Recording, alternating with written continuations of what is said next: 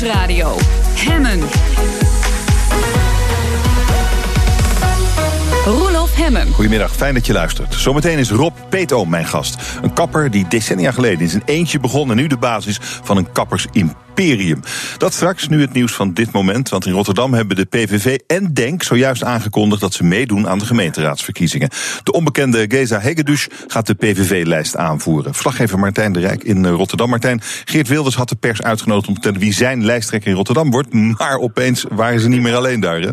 Ja, nee, toen kwamen ze daaruit als een, als een duveltje uit een doosje uh, voor de moskee langsgelopen naar de pers toe. Uh, de mensen van, van Denk, allemaal in witte jassen met lichtblauwe mutsjes op om die aankondiging te doen. Uh, Kuzu voorop. Uh, en ook Denk doet straks mee aan die gemeenteraadsverkiezingen in Rotterdam. Ook op, ook op links wordt het druk, denk ik. Nou, dus toen stonden, ze, stonden daar de PVV en Denk, die stonden daar met elkaar. Te, nou, dus Denk had echt het, het moment gekaapt. Ja, ze hadden het moment gekaapt en ze deden dat heel knap, want ze waren echt twee minuten voordat Wilders en consorten aankwamen uh, kwamen ze aanlopen. Hadden dus alle camera's op zich, uh, wisten alle camera's op zich gericht. En eigenlijk toen zij uh, klaar waren met de verklaring, stond iedereen met zijn rug naar de zwarte bolide van Wilders en zijn nieuwe man straks in Rotterdam toe, die ook aankwamen om hun mededeling te doen. Ja, want Denk heeft nog niet verteld wie hun lijst gaat aanvoeren in Rotterdam. Maar we weten wel wie de lijsttrekker van de PVV is, hè? Geza Hegedus. Ja, weet jij wie dat is? Geen idee. Nee, precies. En ik kan je eerlijk vertellen dat ik dat ook niet weet. En ik heb ook al mijn collega's hier uitgehoord. Uh, niemand kent uh, de beste man. Geza Hegge dus heeft over zichzelf verteld dat hij is uitgezonden geweest. Dat hij Als militair, ondernemer was in Rotterdam. En dat hij een tijd werkeloos geweest is. Uh, maar meer dan dat weten we eigenlijk niet. En die naam, die, uh, dat is een naam die een Hongaarse afkomst doet vermoeden. Maar ja, dat is wat we weten eigenlijk uh, van, van de nieuwe lijsttrekker... die het straks allemaal moet gaan doen in, in Rotterdam. Wat had hij te zeggen over het, bijvoorbeeld de, de inhoud van het programma voor Rotterdam van de PVV?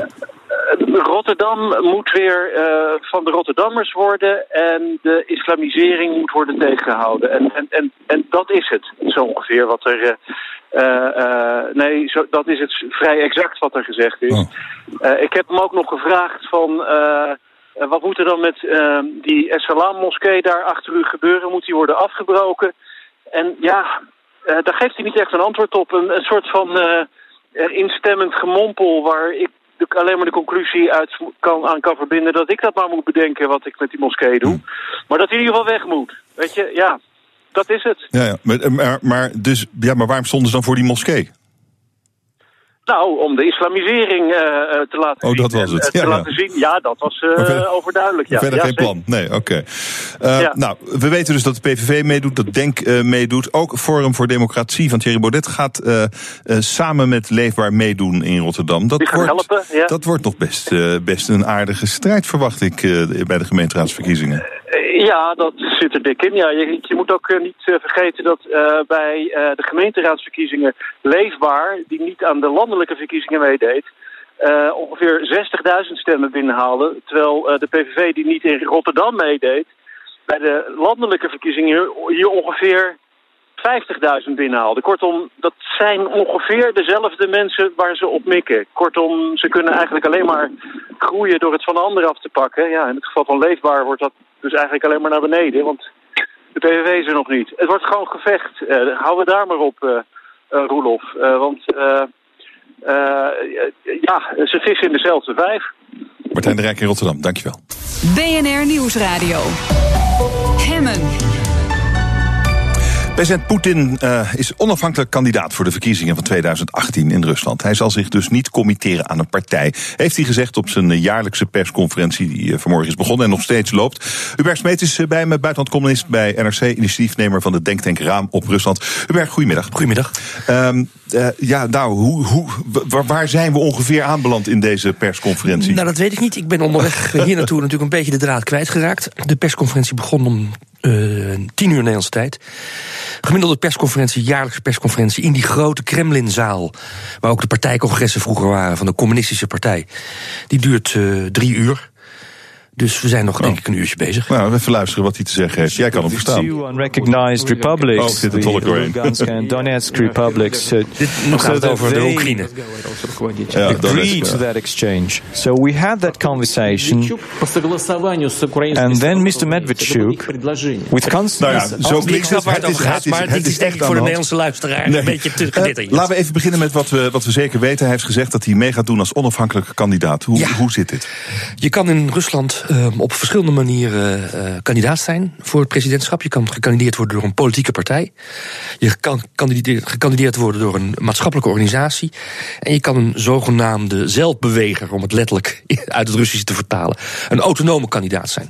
En hij heeft vandaag aangekondigd dat hij niet namens de regeringspartij Verenigd Rusland kandidaat zal zijn.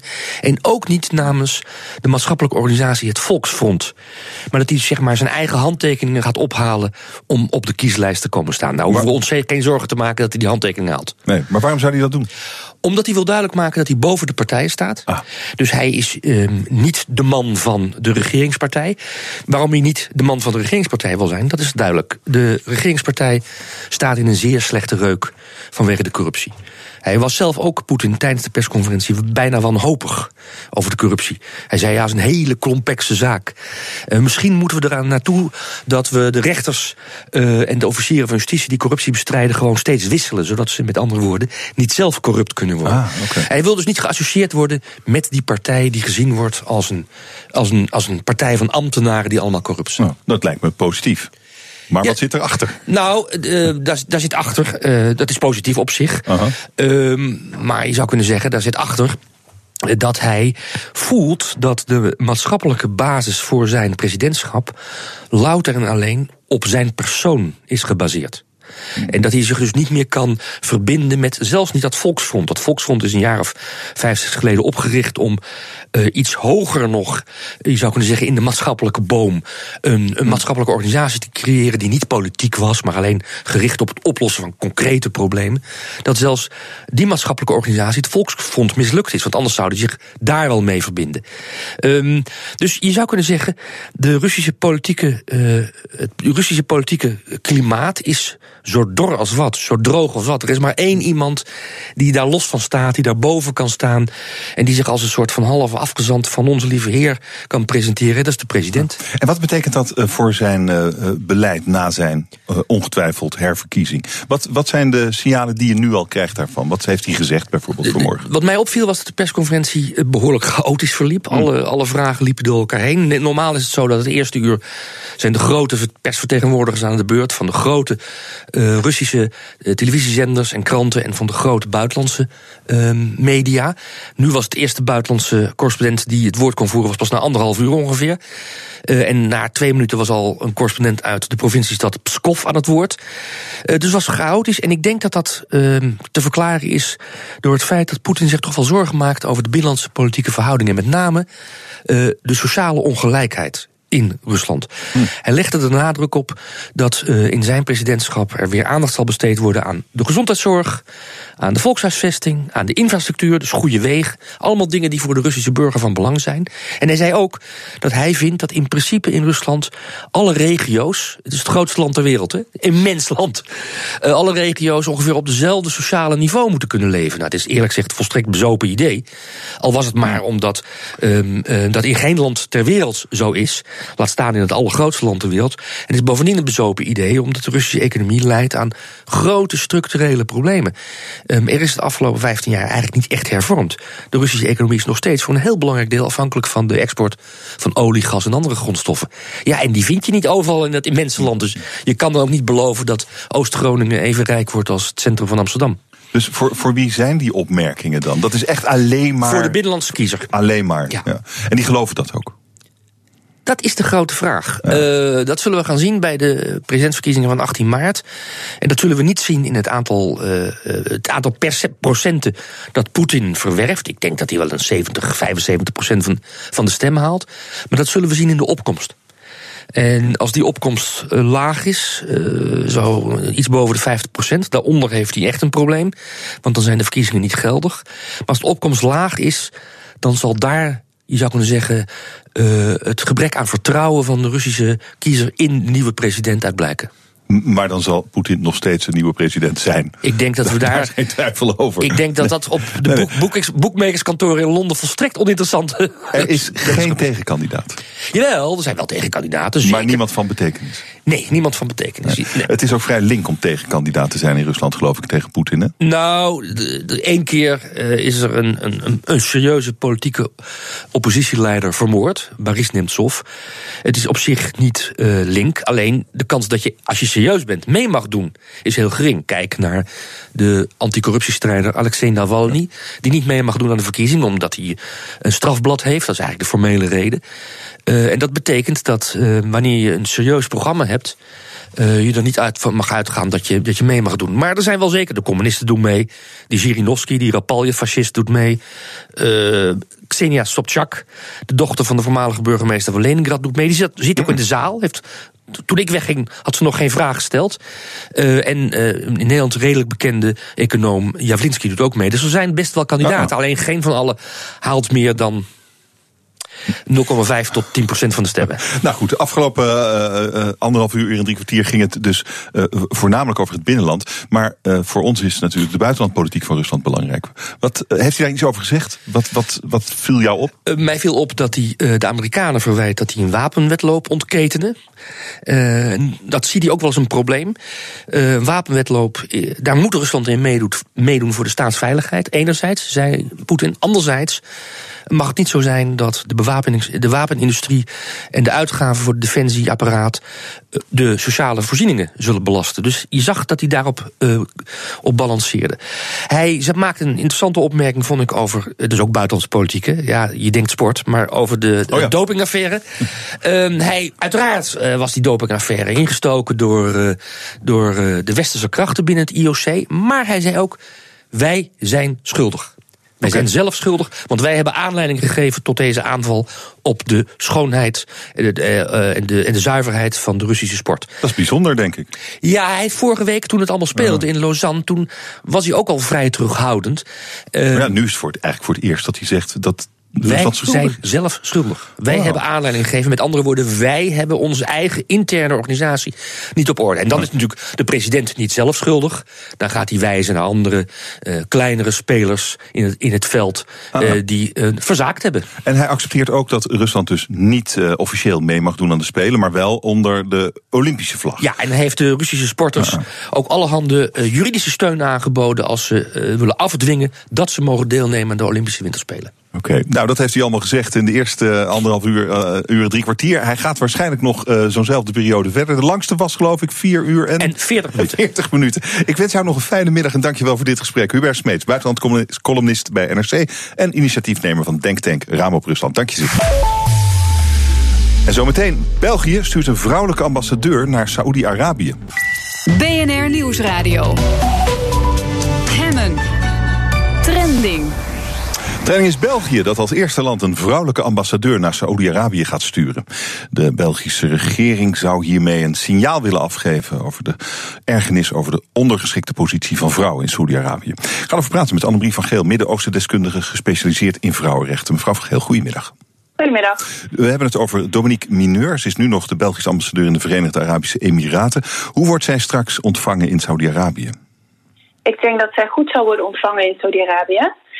Uh, ze heeft natuurlijk al de ervaring die ze nu opdoet in uh, de Verenigde Arabische Emiraten. En ik denk dat Saudi-Arabië ook een land is wat, um, ondanks de positie van de vrouw in het land, uh, toch ook deze vrouw als ambassadeur goed zal ontvangen. Um, omdat ze wel de, ja, de, de positie van het ambassadeurschap met zich meebrengt, de status met zich meebrengt. Uh, en ze waarschijnlijk net als een man met, uh, met alle egaars zal worden ontvangen in, uh, in Riyadh. Ja, vanwege haar status. Zou het, zou, is het, als, als het inderdaad zo is dat de Belgische regering een signaal wil uitgeven naar Saudi-Arabië over de positie van vrouwen, is dit dan een goede manier om dat te doen? Zou dit effectief kunnen zijn? Ik denk dat het een, een mooi signaal is van de Belgische regering, namelijk dat zij de vrouwenrechten serieus nemen. Uh, dat ze dus ook in Saudische, of een, uh, naar Saudi-Arabië een uh, vrouw sturen nu als ambassadeur. En ik denk dat um, ja, dat, dat, dat, dat een heel, heel mooi signaal is naar het land. En ik denk ook dat de tijd daarvoor inmiddels rijp is. Saudi-Arabië heeft zelf ehm, een woordvoerder benoemd aan de uh, Saoedische ambassade in Washington. Dat is een vrouw. En ja, dan is nu het moment gekomen dat er een uh, vrouwelijke ambassadeur uh, voor het eerst naar Saudi-Arabië wordt gestuurd. En in deze heeft België de primeur. Wat, zijn, wat, zou deze vrouw, deze Dominique Mineur, kunnen doen aan bijvoorbeeld de onderdrukking van vrouwen in Saoedi-Arabië? Want die is er toch wel zeer behoorlijk daar. De positie van de vrouw in Saoedi-Arabië behoeft zeker verbetering. Daar wordt door Saoedische vrouwen zelf ook inderdaad uh, voor geijverd. Er zijn activisten die daar druk mee bezig zijn in het land zelf. Um, dat is natuurlijk heel belangrijk, dat er in het land zelf uh, vrouwen bezig zijn met hun eigen positie te verbeteren. En ik denk dat um, ja, het feit dat zij vrouw is, deze nieuwe ambassadrice, dat dat betekent dat zij ook makkelijker contact zou kunnen maken met bepaalde delen van de bevolking. Met vrouwen? Ik heb zelf, ja, ik heb, Bijvoorbeeld, ik heb zelf uh, ervaren als, als vrouw, ik heb onderzoek gedaan in Saudi-Arabië naar de positie van de vrouw. En ja, dat het voor een man zou het echt onmogelijk zijn geweest om het onderzoek te doen wat ik daar heb gedaan. En ik denk dat voor haar, kijk, zij, zij functioneert natuurlijk op het hoogste diplomatieke niveau. En ik denk dat het voor haar um, ja, ook makkelijker zal zijn, juist omdat ze vrouw is, om verschillende strata van, van de samenleving uh, ook met vrouwen in contact te komen. Wat voor een mannelijke ambassadeur wellicht toch ingewikkelder zou zijn, omdat ze man zijn. En dan kan ze die vrouw een stem geven, bijvoorbeeld? Is dat ja, ik denk dat, ja, ik denk dat, uh -uh. dat uh, wat mij ergens opgevallen toen ik onderzoek deed in Saudi-Arabië, dat vrouwen ook zelf heel duidelijk hun eigen stem hebben. Um, en, en ja, dus en wat ik net ook al zei, van er zijn in het land zelf ook echt vrouwen bezig met het verbeteren mm -hmm. van hun eigen positie.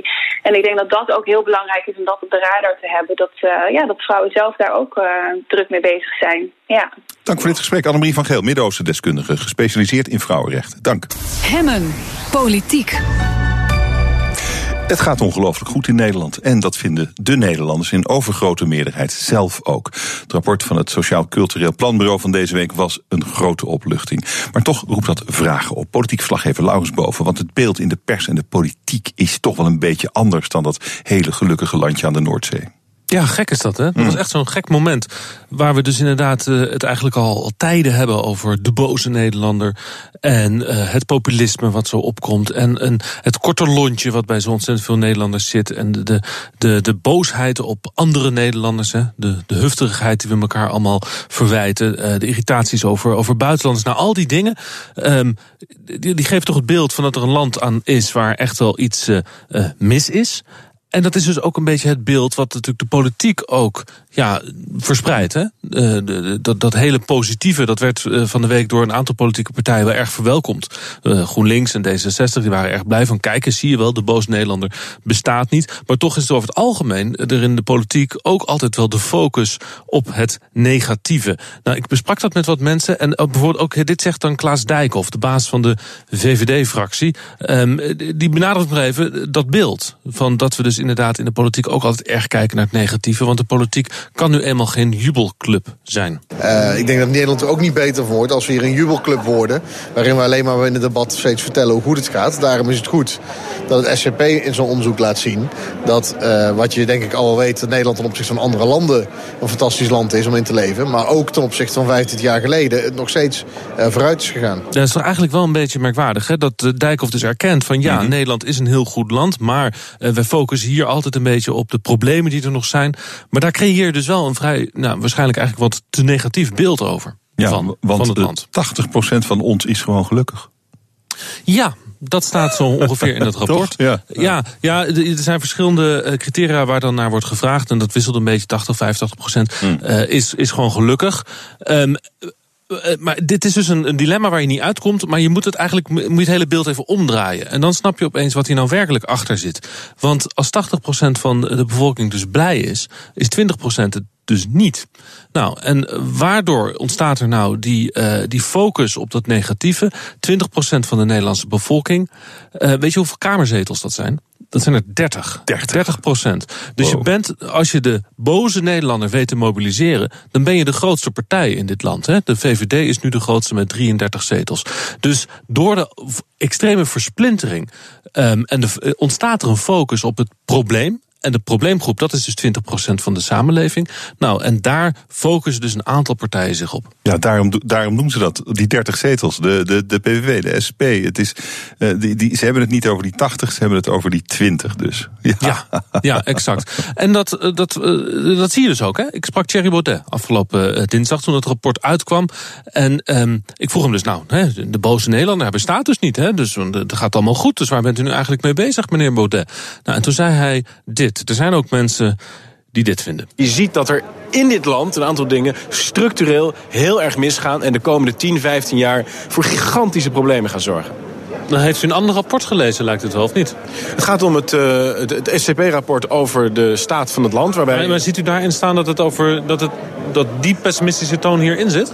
Die, die geef ik. Dit is mijn visie op Nederland. Ja, dus hij is eigenlijk helemaal niet geïnteresseerd in wat het SCP vindt over de algemene staat van het land. Nee, hij heeft zijn visie. En zijn visie sluit aan bij die 20% Nederlanders die dus ontevreden is en die wel de problemen ziet. Nou, en datzelfde dat zie je uh, gebeuren bij de, de SP. Op het moment dat ik uh, Emil Roemer sprak, was hij nog de leider van de SP. Hè, die is gisteren natuurlijk afgetreden. Maar Roemer die zei mij dus uh, dinsdag ook van ja, kijk, dat is wel een klein percentage. Hè, de mensen die het helemaal, het, de, de, de grip op hun leven ontglipt. Hè, dat werd, was ook een begrip wat in het SCP-rapport staat. Dat is nog een wat kleiner percentage. Mensen die het gevoel hebben dat ze geen controle hebben meer over hun eigen leven. Een laag percentage erkent Roemer. Maar. Uh, 5% van, uh, van 17 miljoen. Uh, gaan, ze, ze morgen maar eens allemaal koffie inschenken.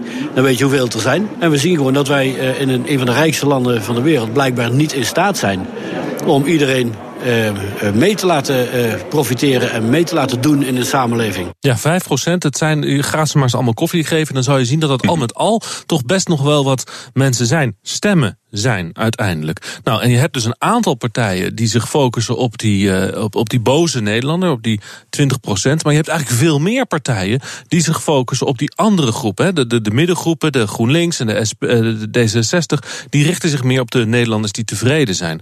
Maar um, die, die, die, die populisten die hebben eigenlijk wel heel goed doorzien dat bij die 20 procent er een enorme klapper te maken is als je die dus weet te mobiliseren. Ja, maar volgens mij hebben VVD en CDA dat ook wel ontdekt. Nou, die combineren het. En dat is eigenlijk de kracht dan weer van hun. Hè. Inderdaad, VVD en het CDA. Die, um, het CDA natuurlijk heel erg hè, met, de, met de gewone Nederlander. Die speech van, van Buma een tijdje geleden. Uh, Rutte met zijn, uh, met zijn pleur-optaal. Die ook zeg maar, dat, dat bozige in de samenleving probeert te mobiliseren. Maar die hebben ook nog hun klassieke um, achterban de normale CDA-stemmers op het platteland, de normale ondernemers bij de VVD. Nou, en als je, voor hun strategie is om die twee dingen dus met elkaar te combineren. En op die manier zijn zij dus inderdaad uiteindelijk ook de grootste partij geworden. Dankjewel, politiek verslaggever Laurens. BNR Nieuwsradio, Hemmen. Hemmen. Leraren vinden dat kinderen veel te veel op social media zitten. Op hun telefoontje in de klas. Ze vinden het slecht. Bespreek het in... De kantine. Met vandaag Huip Hudig, presentatiecoach bij Speak to Inspire. En Renze Jong, presentator-eigenaar van Busmaster. Goedemiddag, mooi dat jullie er zijn. Goedemiddag. Uh, die, die, Rens, dit is, uh, hier bleef ik wel weer even aan hangen vanmorgen. Die leraren die zich zorgen maken over al die kinderen die de hele tijd op hun mobieltje zitten te ja, kijken. Nou, het, ik moet eerlijk zeggen, ik maak me daar ook zorgen over. En niet alleen bij leerlingen, maar bij iedereen. Ja. Uh, ik, je, zoals je weet, ik ben een enorme geek en uh, adopteer alle technologie zo snel mogelijk. Maar ik begin bij mezelf al ook een soort met van uh, terugdrukkende kracht te merken. Dat je denkt, hé, hey, waar ben ik eigenlijk in godesnaam mee bezig? Hè? Het mobieltje is ons aangeprezen van dit is fantastisch. En ik had ook het gevoel met social media dat ik met alles in contact ben. Maar ik heb nu sinds een paar dagen heb ik Moment, Moment heb ik geïnstalleerd, een appje. Dat ervoor moet zorgen dat ik minder op mijn smartphone zit door me bewuster te zijn van het aantal uur dat ik per dag op mijn smartphone zit. Wat denk jij dat ik per dag op mijn smartphone zit? Jij? Ja. Vijf uur. Vijf uur. Ja, dit is, maar, dit is, maar bedenk dus even wat je. Wat, je, wat, wat doe je dan allemaal? ja, maar als je dat dus niet hebt, als je dat dus niet doet, of als je een uur minder doet, als je even unplugt van dit leven, dat, dat fictieve leven dat hier zich afspeelt, wat ik met die tijd kan doen. En ik heb echt het gevoel dat we in ons werk ongelooflijk. Wij hebben Slack op het werk. Hier hebben we het ook. Het is hartstikke handig, maar je raakt er ook mega overspannen van. Omdat er elke keer plup, plup, iemand weer met een vraag komt. Mijn hersenen raken geheel overkookt, omdat ik elke keer word afgeleid. En dat geldt natuurlijk ook voor die kinderen. En, en ik weet niet of je het gevolgd hebt. De Franse president Macron heeft nu gezegd: jongens, er moet uh, op, op scholen moet gewoon het mobieltje verboden worden. Het was al in de klas, maar ook in de pauzes. Unplug your life en gaan we eens gewoon met elkaar praten, debatteren. Uh, het over het leven hebben, uh, verliefd worden, weet ik veel. Ben jij het nu ook gaan doen allemaal? Nou nu ja, dus ik, op je nou ja, het, ik, ik, ben dus heel blij dat mijn kinderen vragen er nog niet om. Dus dat scheelt. Ja. En die, die krijgen het echt niet tot de middelbare school. En twee, ik probeer echt te minderen. Maar dat is, het eerste is bewustwording dat ik vijf uur per dag op mijn mobieltje aan het kijken ben. En dan is de vraag, wat doe ik daar? Ja. Twitter-updates bekijken, LinkedIn-pagina's bekijken van mensen die ik nauwelijks ken. What the F am I doing? Dat is Ja, wat, dat wat, is, wat ik nu eh, aan het bedenken ben de afgelopen dagen. Ja, zeker. En dat woord bewustwording is wel een goede waar je het over hebt, eh, Rens. Want ik denk inderdaad, volwassenen hebben ermee te maken. Het viel mij ook overigens op. Net in de hal wilde ik even Rens de hand schudden. Maar die zat inderdaad er vol in zijn ding te werken. Eh, maar ja, inderdaad, vooral bij kinderen. Dit weekend kwam mijn zoontje op zondagochtend om half zeven de kamer binnen. Hé hey mam, wat is ook alweer de code van mijn app? Eh, weet je, en dat je echt denkt, kappen jongens. En, en die dingen zijn zo verslavend. Vooral die nummertjes die aangaan. En eh, kinderen die zijn daar heel vatbaar voor. Alleen is wel even een interessante vraag. Van hoe ga je er vervolgens mee om? Hè? Jij komt met het voorbeeld van Macron die wil verbieden. Wat natuurlijk bij veel mensen meteen naar boven komt. Terwijl het woord bewustzijn, ja, dat geldt eigenlijk voor ons allemaal. En ook voor kinderen. Dat je je gewoon, eh, we zullen er naartoe. En dat, eh, dat we naar een nieuwe realiteit aan het gaan zijn. Waarin de social media en die smartphones gewoon een grote rol spelen. En we moeten dus naast verbieden ook kinderen echt er bewust van maken. Van hé, hey, leg hem af en toe weg. Ja, maar heb je dat filmpje gezien van die man die ooit werkte bij Facebook, hoofdproductontwikkeling van Facebook? Die zegt: Het spijt mij verschrikkelijk wat voor Mhm. monster wij hebben gebouwd. Jullie hebben het niet door, maar ik zit niet meer op Facebook. Mijn kinderen mogen zeker, de, eh, eh, eh, mogen zeker niet op Facebook. Jullie worden allemaal geprogrammeerd. We kunnen jullie allemaal ongelooflijk beïnvloeden. En de menselijke geest is te zwak om voor die verleidingen van Facebook met die likejes, duimpjes, Ja, dat tweetjes, is de vraag. in te gaan. Hij zegt, we hebben het zo gebouwd en het is heel goed voor de wereldheerschappij van Facebook. Maar de vraag is dan wat zijn we eigenlijk aan het doen? En ik zeg niet dat we overal mee moeten stoppen. Maar ik begin me nu af en toe wel af te vragen... waardoor raken zoveel mensen overspannen? En zijn we dan wel met de goede dingen in het leven bezig? Nou, absoluut. Maar ik moet eerlijk bekennen, ik begin ermee dat ik gewoon 's ochtends zet ik mijn eh, iPhone zet ik pas aan om een uurtje of elf. Ja. En daarvoor Nou ja, staat hij goed. gewoon uit. Ja. En ik denk dat dat met Ja. kinderen inderdaad langzamerhand ook dat voortdurend verslaafd aan die middelen hangen. Dat kan gewoon niet meer. Dit is een soort uitprobeerperiode. En we zullen naar een nieuwe fase van bewustzijn gaan. Dat denk ik Ja, ook. Maar goed, ik, ik vind, bij mij ligt die naast mijn bed. En ik zag dus nu in mijn appje dat ik iedere dag om vier uur s'nachts toch even een 20 minuten een Twitter-timeline zit te checken. Waar ben je om vier uur wakker? Ja, ja dat, is, dat, dat, dat moet je me niet vragen. Maar gewoon, nou ja, mag wel. Maar dat Sta je dan op ook? Ja, vaak ook wel. Dus, Wauw, dat is ideaal. Ja, je hebt gewoon heel veel tijd. Je, Je, kan kunt heel veel werken. Dat is dus het punt. Ja, ik ben er gewoon harder door gaan Zullen we werken. het hierbij laten over het nachtleven van Rens? Maar, eh, ja. Wacht even Het is voor allemaal Rens. werken, allemaal Eh, werken. hebben jullie dat verhaal gelezen over die robotbewaker in San Francisco... die een tentenkamp van eh, daklozen moest weggooien? Nou, die daklozen die pikten dat niet. Ze hebben de, de, de robot omgegooid. Ze hebben uitwerpselen over hem heen gesmeerd... over als camera's en zijn sensoren. Maar ik dacht, ja, robotbewaker die mensen gaat wegjagen. Jongens.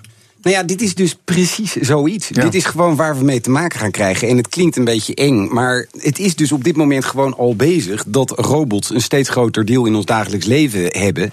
En dat is dus ook een nieuwe realiteit waar we mee eh, te maken krijgen, maar waar sommige mensen het eh, toch best lastig hebben. Want als je ine- ineens. Het is overigens echt een aanrader om even op de NOS dat artikel te lezen, want het is hilarisch hoe de robots dus ingezet worden daar. In eentje die was per ongeluk in een tuin, in een eh, vijver gekukeld. Suicidal robot eh, Ja, noemen ze dat al. Ja. Maar aan de andere kant is het eh, aan de ene kant beangstigend. Dat je dus ziet, eh, die robots die gaan steeds meer in ons leven eh, komen. En aan de andere kant is dat dus ook een realiteit waar we mee te maken hebben. En ik was laatst bij Business Boost van ING.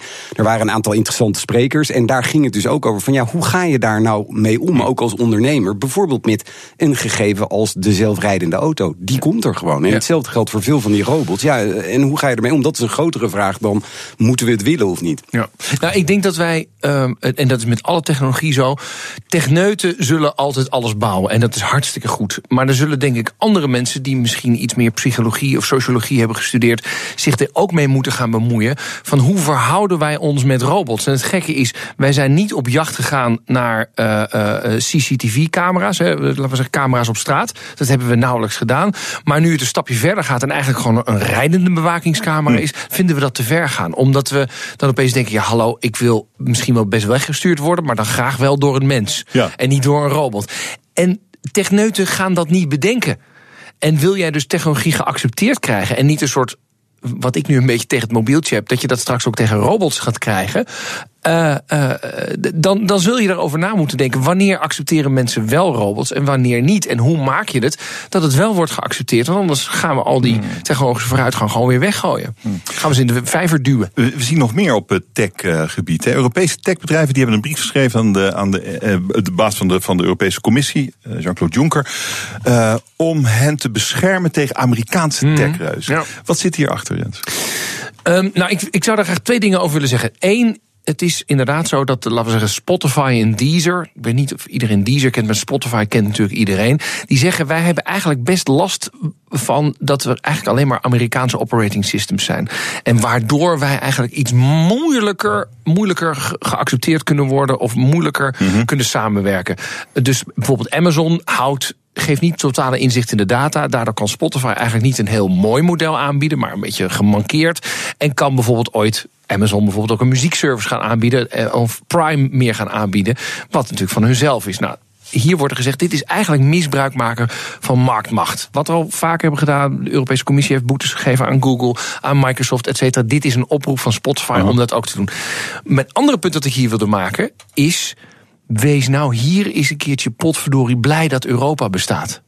Want we zitten altijd te zeiken op Europa.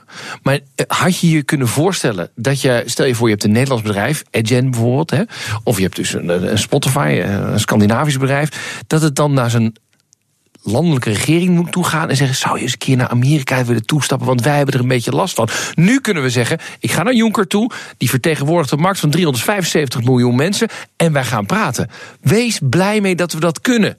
En tegenwoordig met al die mensen die allemaal tegen Europa zijn, we moeten eruit stappen, die horen dit niet. Maar nu kun je nog een beetje een vuist maken met Europa. Zometeen, het huis voor de klokkenluiders zit in dikke problemen. Zometeen. BNR Nieuwsradio. Je luistert naar de kantine. Vandaag eh, zijn eh, Rens de Jong hier, presentator en eigenaar van Busmaster. En Huip Hudig, presentatiecoach bij Speak to Inspire.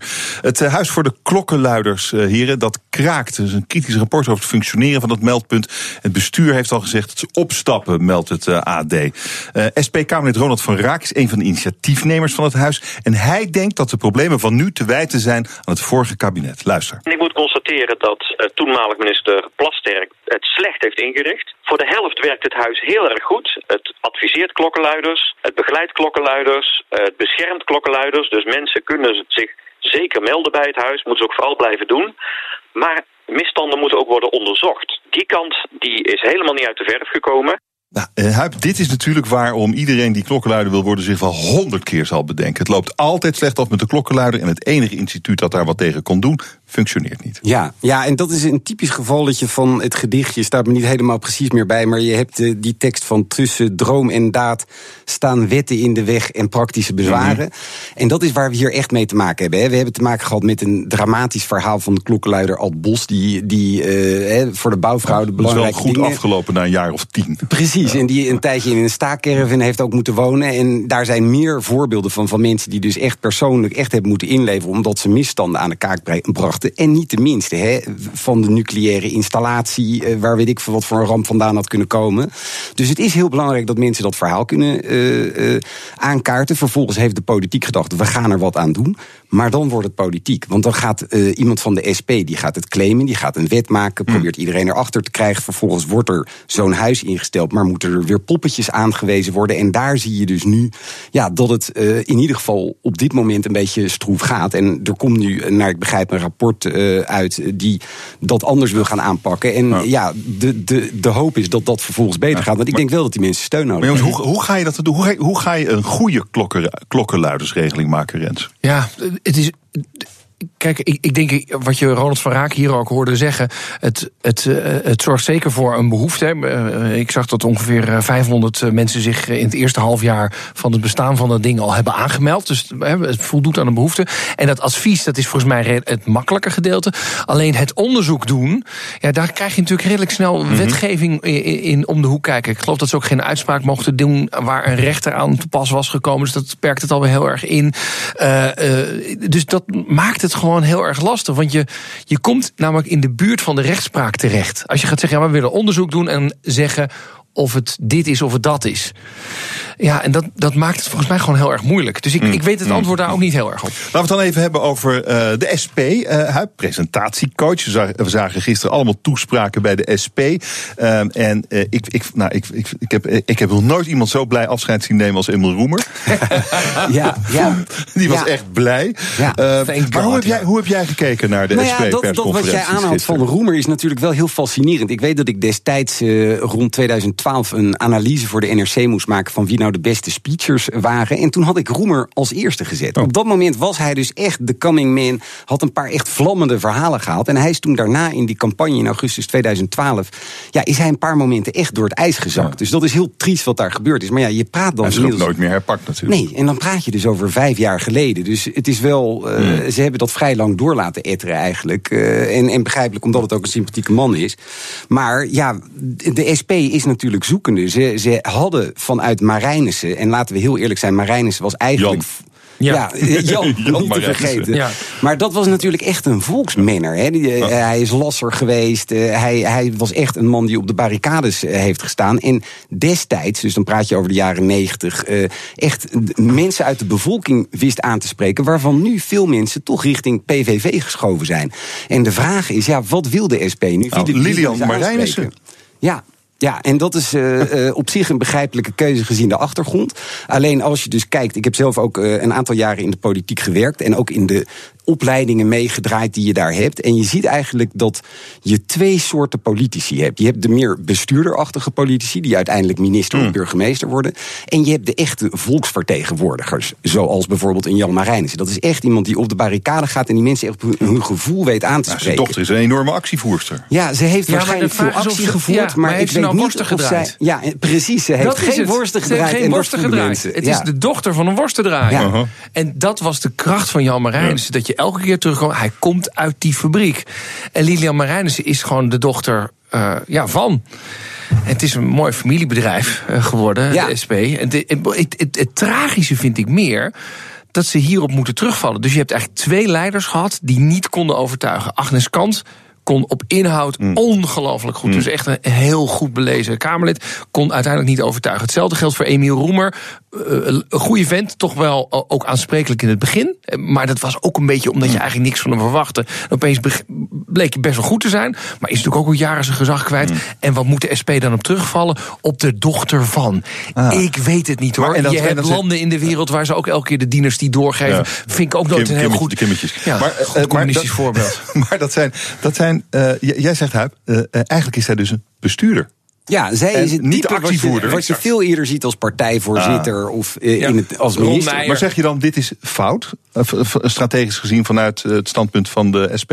Nou ja, ik denk dat er überhaupt niet heel veel strategie achter zit. Ik denk echt dat het een beetje paniekvoetbal is. En, en dat je eigenlijk echt een veel betere analyse moet gaan maken van wie is nou die gewone man, die kiezer die ze willen hebben. En wie gaat vervolgens die mensen echt aanspreken. En het lijkt dat ze nu een beetje halverwege eh, het proberen op te lossen. Nou, het is natuurlijk wel slim dat je. eh, je hebt, aan de ene kant heb je Jesse Klaver. Dat is ver, vertegenwoordigt een nieuw en jong geluid. Ik snap wel op links.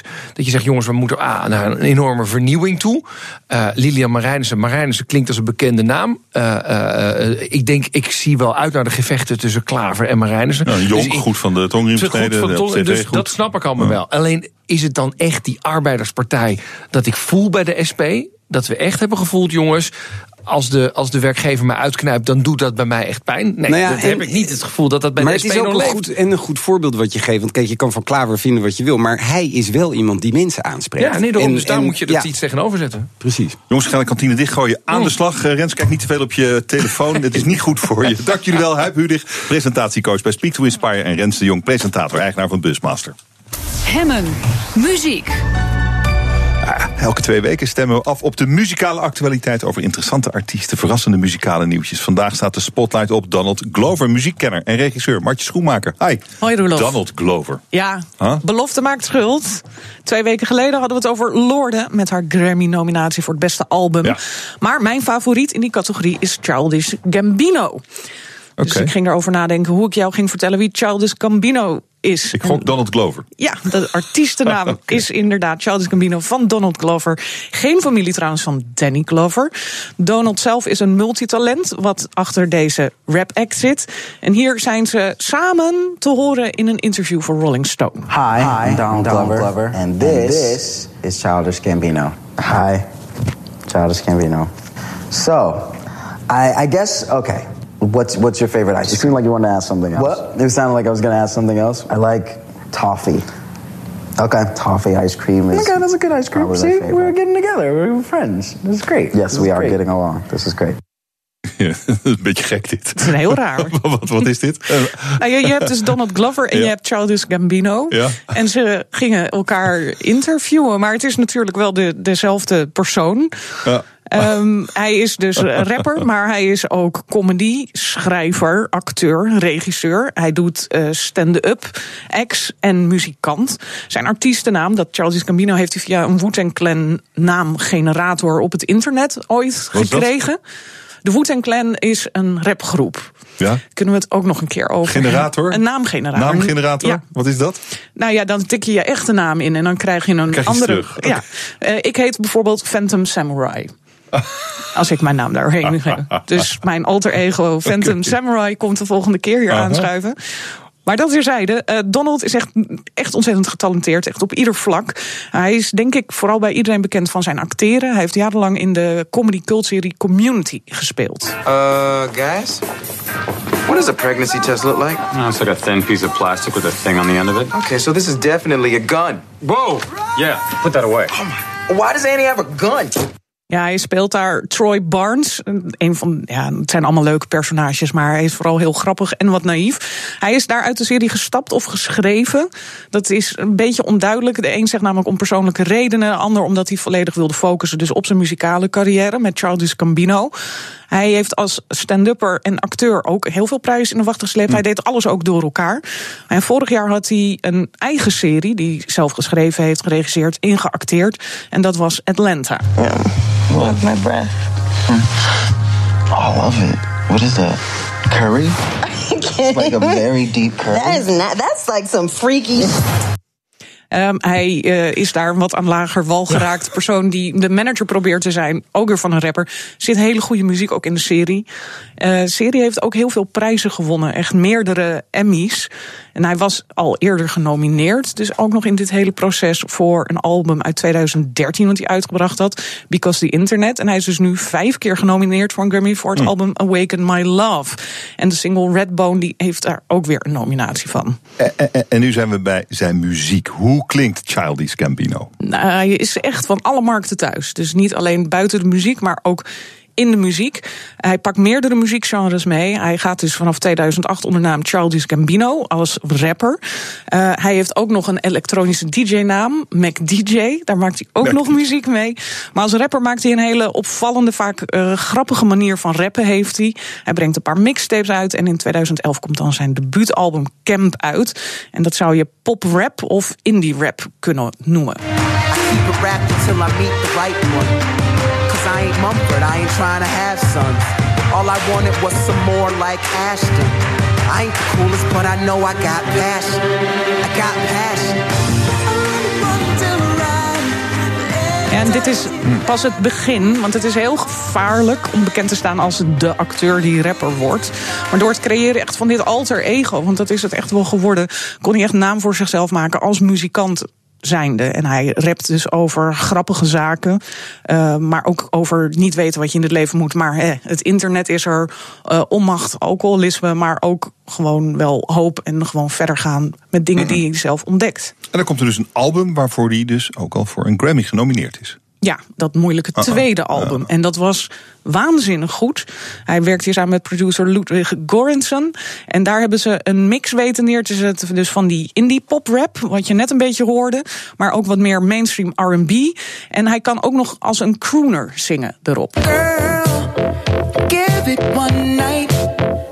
If you just give it a chance. Loving you is not my plan. Cause I know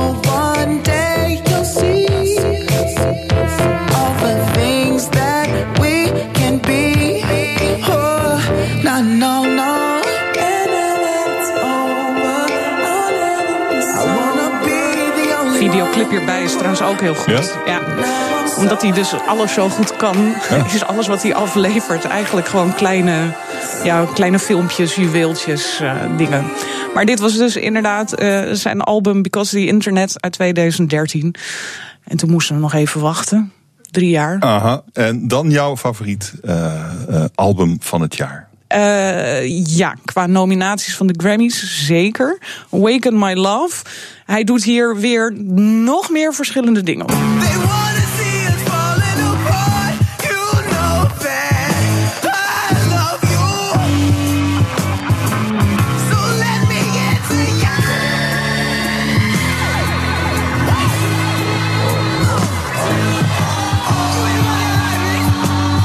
dit is het nummer Me and Your Mama. Ik begrijp wel waarom jij dat mooi vindt, denk ik. Ja, maar het is dus niet representatief nee. voor het hele album. Oh. Uh, want hij rokt hier heel erg op. Uh, dit nummer doet denken aan Lenny Kravitz... of misschien zelfs een beetje Living Color.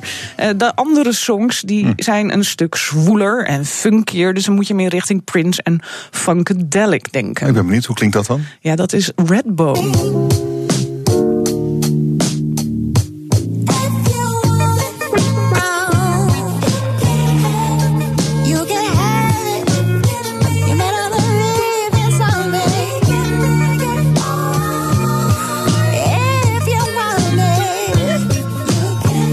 Deze komt ook in mijn lijstje voor. Favoriete liedjes van dit jaar. Ik ben niet zo'n fan van zijn piepstemmetje. Nee, maar hij okay. kan dus ook andere dingen ja, ja, doen. Ja, dat is mooi. En hij is dus een, een kanshemmer nu inmiddels om met vijf Grammys naar huis te gaan. Als hij kan winnen van JC, die is er genomineerd voor acht. Maar er ligt sowieso meer moois voor Donald in het verschiet. Hij gaat namelijk in een Star Wars spin-off spelen over de jonge Han Solo. Daar is hij de jonge Lando Calrissian. En hij is Simba in de real-life versie van The Lion King. Um, dit zou wel eens het einde van Childish Gambino kunnen zijn. Daar heeft hij namelijk al op gehind.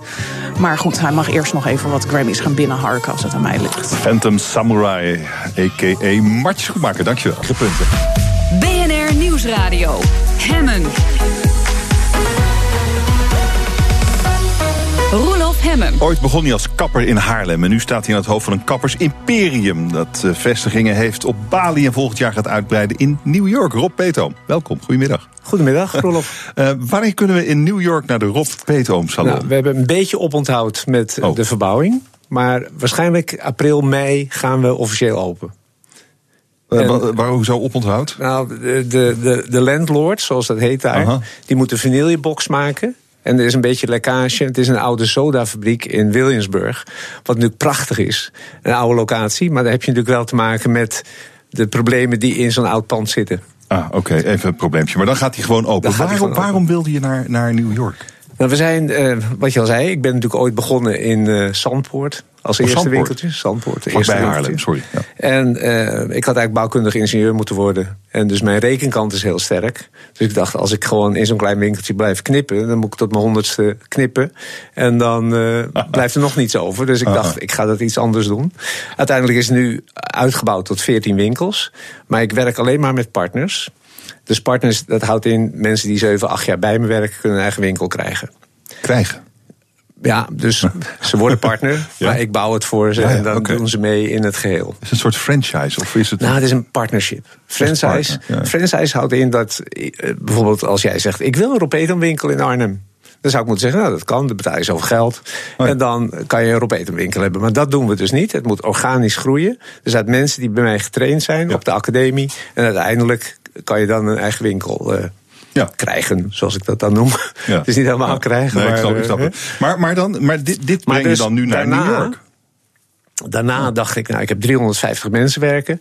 En eigenlijk na 6, 7 jaar zie je dat ze zijn het een beetje zat of ze willen wat anders. Ze willen ergens naartoe. Ze willen backpacken. Vooral 90 jaren was het heel sterk. Dat ze naar Australië gingen, hm. half jaar of een jaar. Toen dacht ik, weet je wat, ik ga in Sydney een winkel beginnen. Dat is helaas niet gelukt, want het pand wat ik wilde, dat ging niet door. Maar toen kwam ik op Bali. Ik denk, nou, begin het daar. Dus mensen kunnen gewoon een half jaar of een jaar voor mij op Bali werken. Nou ja, dit deed voor je personeel? Voor, voor meer houden? Ja, ja, want hoe krijg je mensen die bij Ropeton willen werken? Ik kan bij iedere kapper werken. Maar bij ons hebben ze dus veel meer uh, faciliteiten. Ze kunnen dus, we hebben een eigen academie in Halfweg. Die, die net geopend is, is prachtig. En uh, daarnaast kunnen ze dus naar Bali. Maar ja, op een gegeven moment is Bali, heb je ook wel weer gezien. En nu gaan ze New York openen en daar kunnen ze dus ook naartoe. Oké, maar, maar het moeten toch, toch, toch ook wel eh, economisch haalbare ondernemingen zijn allemaal, toch? Eh, de- en dat zijn het ook. Maar dat is, dat is mijn rekenkant, hè? Ja, ja. Dus het, is, het is durven investeren. Ik weet nog dat toen ik op de Elandsgracht... Ben jij op de Elandsgracht geknipt ooit, of niet? Eh, In Rotterdam. In Rotterdam, op de Meent. Ja. Nou, de, de Elandsgracht die opende ik in 2001. Daar eh, stopte ik anderhalf miljoen gulden in, in een kapsalon. En ik huurde het pand. Dus iedereen zegt, nou, die, die, die kapper is gewoon niet... Die, die, moet je, die moet je opsluiten. Die is gewoon niet lekker. Maar je ziet, het resultaat is wat ik altijd heb getracht... vanaf het begin dat ik startte... om het kappersvak op een hoger niveau te zetten. Dat mensen ook denken, niet van... eh kappers, eh, hè? En, en dat is aardig gelukt tot nu en toe. En daarom wil ik ook eigenlijk New York erbij hebben. Dat ik eh, en Amerika en Europa en Azië heb. En uiteindelijk kan het doorgroeien naar wat weet ik niet. Want ik krijg natuurlijk een leeftijd dat ik er een beetje uit ga stappen. Maar ik heb drie kinderen die binnen de organisatie zitten. Oké, dus de naam Peetoom zal blijven voortbestaan tot in lengte van jaren. Met een Peetoom aan het hoofd van dit imperium. Ik vraag me dan toch af, eh, als je nou eh, knipt op, op Bali, wie zijn dan je, wie zijn dan je klanten? Eh, heel veel Nederlanders op Heel het moment. Ja. heel veel Ja. Nederlanders. Iedereen die op, naar Bali gaat, die zegt, nou, dan gaan we ook gezellig naar Peetoom toe. Eh, we hebben veel mensen uit Jakarta die graag door een keer door eh, een, een goede kapper geknipt willen worden. Ik had natuurlijk de marzel dat eh, Paris Hilton bij de opening was. Dus alle tv-zenders, alle radiozenders, iedereen was er. Dus ik stond gelijk op de kaart in Indonesië. Ehm, dan heb je de expats en heel veel mensen uit Australië.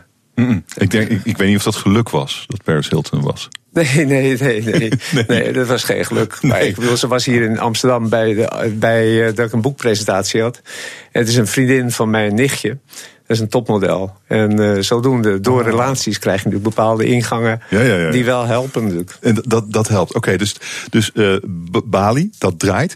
Eh, maar dan New York. Is, is New York, Amerika en New York zijn misschien wel verschillende dingen. Maar is New York is dat een totaal andere markt dan, dan de Nederlandse markt? Nee, de markt is eigenlijk beter. New York is iedereen. Er zijn weinig mensen die hun haar zelf wassen. Dus ze gaan vaak naar de kapper om te feunen. Ehm, er wordt veel meer geld besteed aan het uiterlijk. Ze hebben ook meer geld. Kijk, hier, de gemiddeld, als hier iemand naar de kapper gaat, nemen ze 100 euro mee en dat willen ze wel uitgeven.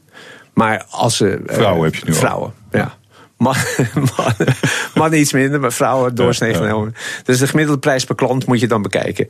In Amerika zie je gewoon dat daar, als ik, eh, ik heb een paar, ik heb in, in de jaren tachtig heb ik veel masterclasses gegeven door, in alle grote steden in, in Amerika. En eh, ik heb heel veel vrienden opgebouwd. Dus als ik in Amerika ben en ik zit bijvoorbeeld in Chicago bij een vriend van mij, Mario Tricozzi, die twaalf salons daar heeft, dan zie je de gemiddelde prijs per klant, die is gewoon een paar honderd dollar. En dat maak je hier niet mee. Dus ik bedoel, als je in, in New York ook kijkt, daar begint dus de goedkoopste knipprijs. Bij mij is dat, eh, ik dacht 35 euro hier en daar is het 100 dollar. En zijn die Amerikaanse kappers dan ook, of die New Yorkse kappers dan ook veel beter dan Nederlandse kappers? Bedoel, Wat, wat, Nee. voor, wat veroorzaakt die, dat grote verschil in prijs? Nou, alles is, alles is veel duurder. Ja, oké.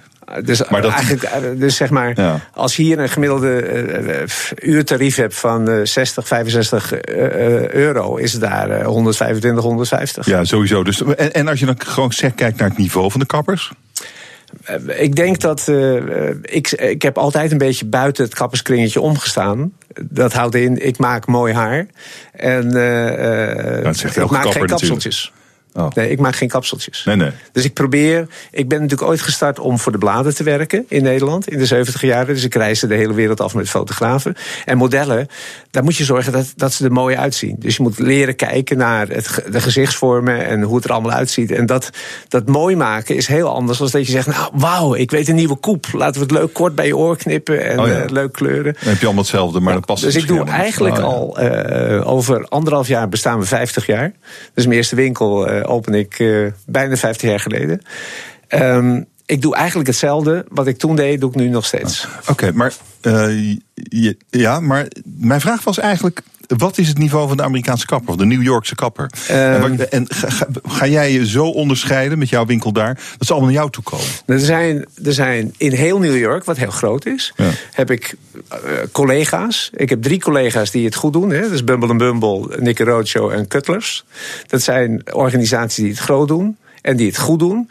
En voor de rest zijn het allemaal kleine kappertjes. Kleine, kleine salonnetjes, overal kan je naartoe. En, en wij gaan daar 400 vierkante meter neerzetten op een hoger niveau. En wat ik doe hier, en we hebben natuurlijk de Marcel dat heel veel modellen in New York Nederlandse modellen zijn, topmodellen.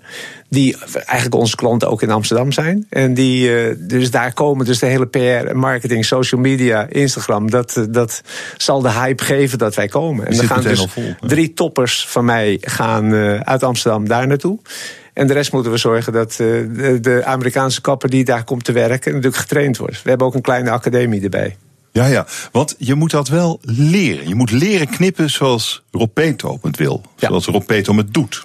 En eh, dat is, ja, je vertelde net al iets over. Je kijkt naar iemand en je zorgt dat het mooi wordt. Maar ja, dan, toen dacht ik, ja, dat zegt natuurlijk elke kapper. Wat is dan precies anders? Nou, het, het verschil is dat de, de meeste, zeg maar 90% van de kappers wil graag doen wat zij willen. Dus die, eh, bijvoorbeeld die oude haar, je hebt prachtig haar. Dus dat, eh, hè, wat ik al zei, je moet misschien een klein beetje korter aan de zijkanten. maar maak, niet ik, ik maak me dus de hele dag al opgeschoren. druk over dit moment. Wat zou die van mijn haar vinden? Oké. Dus de zijkanten een beetje opscheren. Oké, Maar niet, niet dat opgeschoren zoals eh, eh, die voetballers tegenwoordig allemaal hebben. Want dat is natuurlijk een hype. En je moet het gewoon aanpassen. Als je naar jouw gezichtsvorm kijkt, dan wil je niet dat het helemaal opgeschoren is. Je wil gewoon mooi, mooi geknipt. Dus wat, wat bij je past, dat is een slogan van Wat bij je past, maak je mooi. Dus wij kijken heel goed naar eh, de, persoon aan zich. En dan eh, gaan we bepalen wat mooi is. Hmm. Maar er zijn. En- nee, ga je gang. en de meeste vrouwen, dus ik, die willen allemaal mooi haar. Die willen niet opgeschoren of rare dingen. Dus zeg maar 90% voor de, van de klanten, die willen gewoon lekker haar. Mooie kleur, goed geknipt, goed verzorgd. En, en dat doen we. En dat trainen we heel hard. Dus je gaat dan een, beetje voorbij aan trends eigenlijk. Maar kan dat wel? Mensen willen toch meedoen met een trend? Nou, we, we, we passen ons wel aan aan de trends, maar dan in onze vorm. Maar dus op, op het moment, eh, eh, bijvoorbeeld wij doen eigenlijk geen extensions. We doen eh, weinig met de, al die paarse, al die kleuren. Hè. We hebben het wel, dus als iemand speciaal het wil, dan kan dat. Maar we doen dus wel aan, aan lengtes, maar niet zozeer aan trends van eh, dat is nu hot en happening en alle fabrikanten die maken groen, geel, paars, alle kleurtjes. Daar doen we niet zozeer aan mee. Maar extensions, is dat, dat is, zo krijgen vrouwen lang haar. Ja. En zie je helemaal niet dat het een extension is, Maar toch? ik, ik heb er een hekel aan. Waarom heb je er een hekel aan? Nou, gewoon als je, als je iemand over zijn bol aait, dan zit je met je vingers Dan voel je knopen. Is dat het? Dus het is meer een persoonlijk iets. Hè? Het is, eh, we hebben twee, drie winkels waar, we het, waar ze het wel kunnen laten doen, maar we, we, we promoten het niet. ik hou echt van natuur, mooi, Ehm, Ja, prima. Maar, maar dan is het toch nog. Dan, dan blijft eigenlijk mijn vraag: hoe leer je dat dan? Knippen zoals jij het wilt.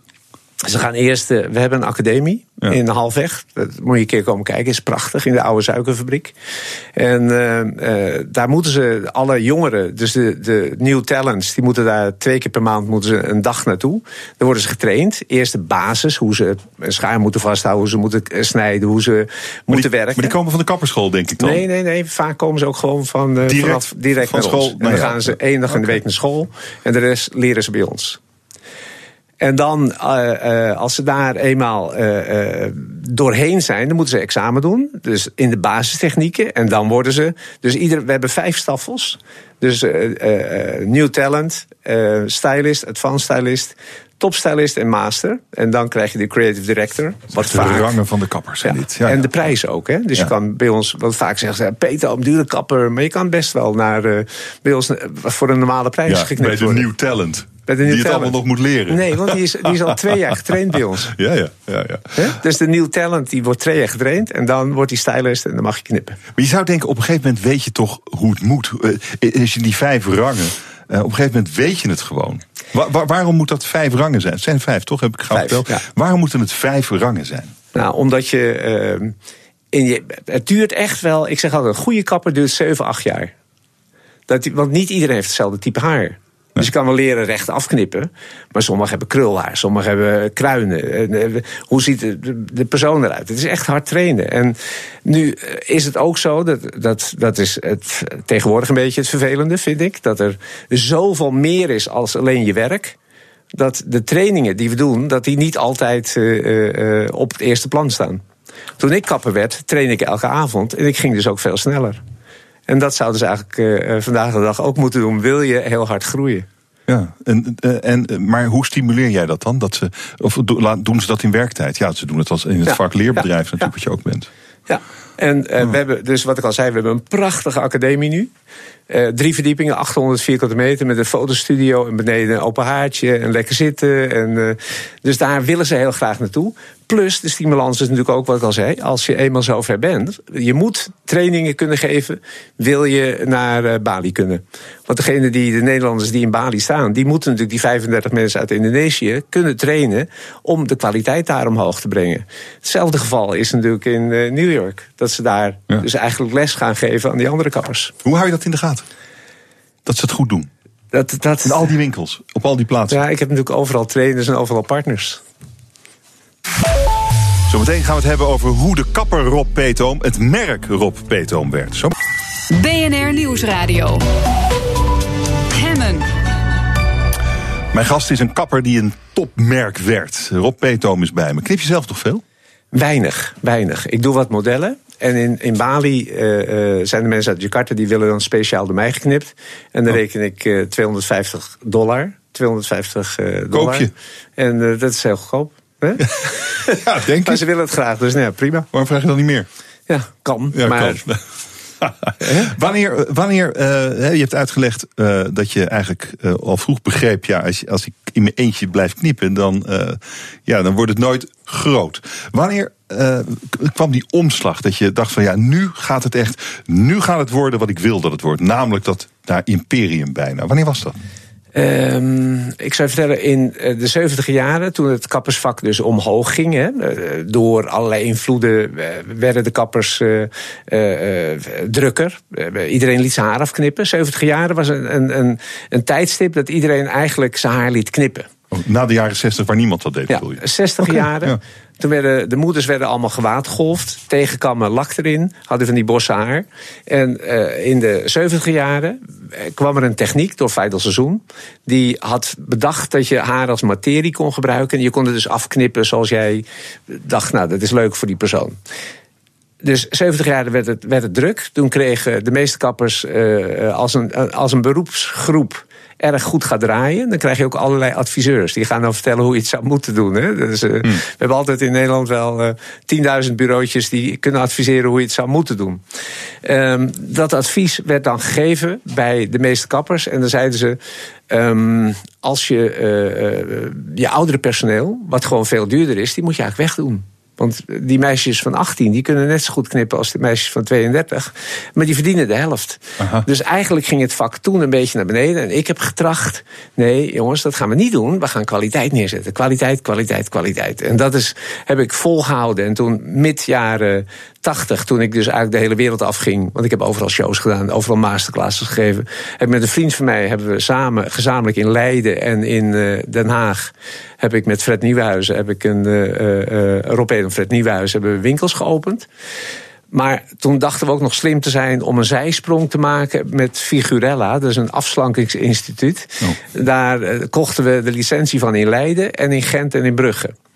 Uh, een jaar later, in februari, kwam er op het Leids Dagblad op de voorpagina uh, figurele dure poespas. Dus daar kan je beter niet toe gaan. End of story. Dus eind of story. dus toen uh, mijn kop eraf en ik kon weer opnieuw beginnen.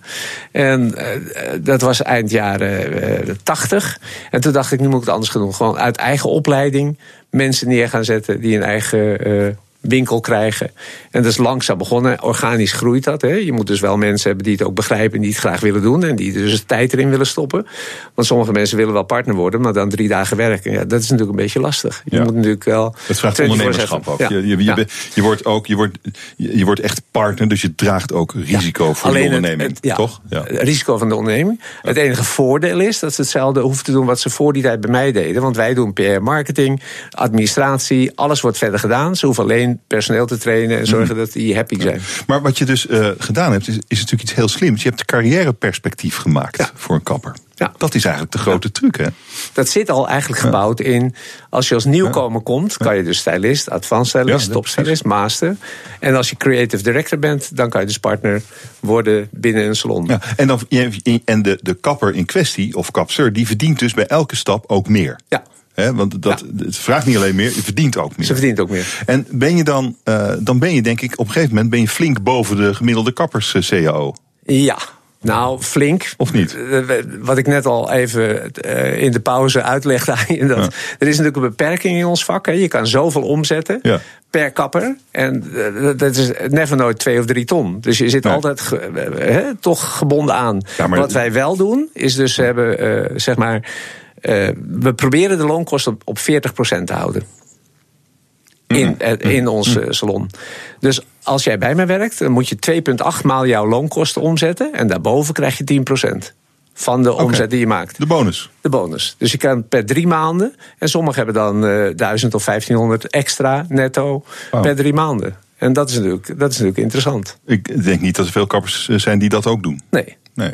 Uh, dus mensen willen heel graag bij je werken. Ja, alle, hebben ze wel ook soms een drempel. Hè? Dat ze denken van ja, is dat te hoog gegrepen? Ja, dat is het vaak misschien ook wel. Ja. Want je vraagt natuurlijk ook veel. We vragen, we vragen Ja, ja. veel. En, we- en, en als ze bij ons komen en ze hebben drie jaar opgeleid... dan zijn ze bij een andere topkapper. En dan moeten ze bij ons weer als eh, nieuw talent beginnen. Ja, ja, ja. ja. En eh, inmiddels 350 mensen. Ehm, eh, 14 winkels, zei je. En nog op Bali en straks in New York. Ehm, waarom niet meer eigenlijk? 15, eh, 14 in Nou, Nederland. Wa- Nederland is veel groter, er is veel meer plaats voor Rob Petom, of niet? Maar dus iemand die dus bij mij werkt... die in Amsterdam werkt. Ik heb er 110, ik heb drie winkels in Amsterdam. Er zitten 110 mensen. Maar als ik tegen die jongens zeg, nou, wil je ook een winkel? Ja hoor, maar wel in Amsterdam. Oh ja. Maar niet bijvoorbeeld in Groningen, of niet in eh, Arnhem, of niet in Nijmegen. Oh, dat En- is de beperking voor verdere groei. Ja. Ja, nou, je krijgt ze natuurlijk op een gegeven moment Ja. wel. Want we zitten natuurlijk in Utrecht, we zitten in Eindhoven, we zitten in Den Bosch. Dus daar komen op een gegeven moment wel mensen die lang genoeg aan werken en dan in die omgevingen kunnen zitten. Maar je kan dus niet iemand die geboren is in Amsterdam in Groningen neerzetten. Dat werkt gewoon niet. Nee, nee. Ehm, en eh, buitenlandse aspiraties zouden natuurlijk ook verder kunnen gaan dan Bali en New York. De wereld is veel groter. Europa.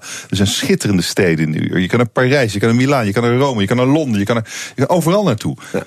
Het, het, nadeel is, het nadeel is weer, wederom de beperking van wat een kapper of kapster in eh, loondienst kan verdienen. Als je in Parijs of in Londen of in, eh, in Barcelona wil wonen, dan ben je. eh, Amsterdam is al duur, dan ben je al. eh, hier ben je 700, 800 kwijt. Daar ben je 1000, 1200 kwijt. Dus er blijft te weinig over om dat soort dingen te doen. Ja, Oké, dus veel groter zal het concern niet worden dus. In, in, ik was bezig in Rome. En eh, dat is niet doorgegaan omdat ik daar een paar partners had die eh, het lef niet hadden om het te doen. Ik had daar een prachtige radio- en tv-oude winkel van 900 vierkante meter. Ik dacht, zag het helemaal zitten. En ik had eh 50%. En die vier kappers uit Rome, die eh, waren intercoiffureleden, waar ik dus in het bestuur zit in Parijs. En eh, die zouden dus mee gaan doen. Maar die achteraf eh, ja, eh, waren ze toch angstig voor eh, de huursom die ze moesten gaan betalen. En waar was jij daar niet bang voor dan? Nee, nee. Maar waarom dan niet? Nou, Als de lokale mensen zeggen, wow, dit is eng. Ja, omdat kappers doorsnee genomen toch een beperking hebben in hun... eh, vaak hebben ze een winkeltje van zes stoelen met een omzet van 400.000. En denk je, ja, als ik dan 125 uur moet gaan betalen... dan... eh, dan eh, Ja, ja. ja wie niet waait, wie wint is het dan Ja, ook natuurlijk. Ja, ja. Oké, dus dat is niet, niet geluk, maar je blijft niet stilzitten natuurlijk. Nee. Waar ben je nu aan het kijken? Nou, eh, we gaan eerst dus starten in New York. Ja. En dan kan dat uitgroeien. Ik, eh, wat ik net al zei, ik heb dan eh, eh, één zoon. Ik heb twee zoons en twee dochters. Eén zoon die doet eh, Amsterdam, drie winkels, Alex. En dan heb ik Savannah en Rochelle. Die, eh, Rochelle, die, eh, ze hebben alle twee Business University gedaan. Eh, Rochelle heeft bij de Vogue gewerkt in Londen. Heeft een eigen social media kantoor gehad in Barcelona. Is nu head of social media en education. Dus zij gaat doorgroeien. En Savannah had een eigen label in Singapore. En die is daarmee gestopt omdat start-ups zijn heel lastig. Dus nu bij papa in de organisatie is dat heel leuk om mee te groeien. Maar ja, wat gaan ze dan doen? Wat, ik bedoel, Nou, dat- dus, dus zeg maar, eh, eh, je zou ook zien als je eh, een beetje erop let wat nu tegenwoordig op Instagram gebeurt binnen onze organisatie. Wat ik net al zei, de meeste mensen gaan gewoon in Bali naar ons toe, omdat ze het allemaal al zien. En dat komt door Rochelle. Savannah die, is een people people. Hè? Die wil graag met mensen omgaan. Dus die gaat de salon runnen in, eh, in eh, New York. Daar wordt zij de gastvrouw managed en eh, gaat dat gebeuren. Dan krijg je op een gegeven moment natuurlijk eerst moeten we zien of het allemaal goed gaat. En dan krijg je natuurlijk hetzelfde concept wat we hier doen. Dat we dan partners gaan zoeken die bij ons werken in New York. En misschien wel Miami of uh, Chicago of waar dan ook. Ah ja, dus je ziet, je, ziet, je ziet Amerika echt als groeimarkt. Ja. ja. En niet Europa. En Bali, zie je, of Indonesië zie ik ook sowieso. Maar dan meer, Indonesië zou meer een originele franchise worden. Dus zeg maar, hier in Nederland doe ik uh, partnership, Europa. Amerika zal ook partnership worden. En Bali, omdat je daar uh, te maken hebt met de locals. En de locals die kunnen geen winkel met uh, 30, 40 man uh, laten draaien. Dat, dat redden ze niet. Dus het worden kleinere winkels. Dus dan kan je daar een franchise-concept op neerzetten. Ja, geweldig. De imperium is nog lang niet uitgegroeid. Nee, niet echt. Hartelijk dank voor dit gesprek. Rob Peter, dankjewel. Punt. BNR Nieuwsradio. Hemmen. De wereld richt zijn ogen vol bewondering op de efficiëntie en de duurzaamheid van de Nederlandse landbouw. De National Geographic besteedde er zelfs een pagina lang artikel aan. Aan de vraag hoe zo'n klein landje de hele wereld kan voeden. Ik ga erover praten met Martin Scholte. Hij is algemeen directeur Animal Sciences Group aan de Wageningen Universiteit. Meneer Scholte, welkom. Goedemiddag. Goedemiddag. Uh, dat is mooi. Uh, een, uh, een, goede PR voor de Nederlandse landbouw, zou ik zeggen. Ja, terecht zeker, in uw ogen? Zeker iets om trots op te zijn en, uh, en zeker terecht. We zijn nummer één in de wereld als het gaat om duurzaamheid. We zijn nummer één in de wereld als het gaat om efficiëntie, zoals je zei. we hebben eigenlijk een hele mooie landbouw. waar de wereld tegen opkijkt. Ja. 30 pagina's zelfs in de National Geographic. Oh, 30? Prachtige foto's. Uh, ja, en, en, en, en, en de kunst daarvan, zoals National Geographic dat ook aangeeft, is uh, ondernemerschap gekoppeld aan kennis, uh, innovatie. Hmm. we zijn altijd de wereld een stapje voor in het nog slimmer doen, nog beter doen. En ja, dat, ja. dat blijft gaan. Ja. En, en, maar we staan wel voor een, voor een nieuwe periode. Wat de vraag is natuurlijk, hoe blijf je op de top van de golf? Ja, niet op, op deze manier. De wereld heeft steeds meer voedsel nodig. Dus we moeten ook steeds meer voedsel produceren. Er is eigenlijk ook steeds minder grond om voedsel te produceren. Dus we zullen het ook steeds slimmer en slimmer moeten doen. We zullen ook heel goed moeten kijken naar welke technologie er beschikbaar is. Maar we moeten ook heel goed kijken naar wat de natuur ons aan, aan kunstjes uh, meegeeft. En dat zijn we eigenlijk wel een beetje verleerd. We zijn echt ingericht om zoveel mogelijk uh, graan of mais of vlees of melk te produceren. Mm-hmm. Uh, uit, uit, uit, uit goede grondstoffen.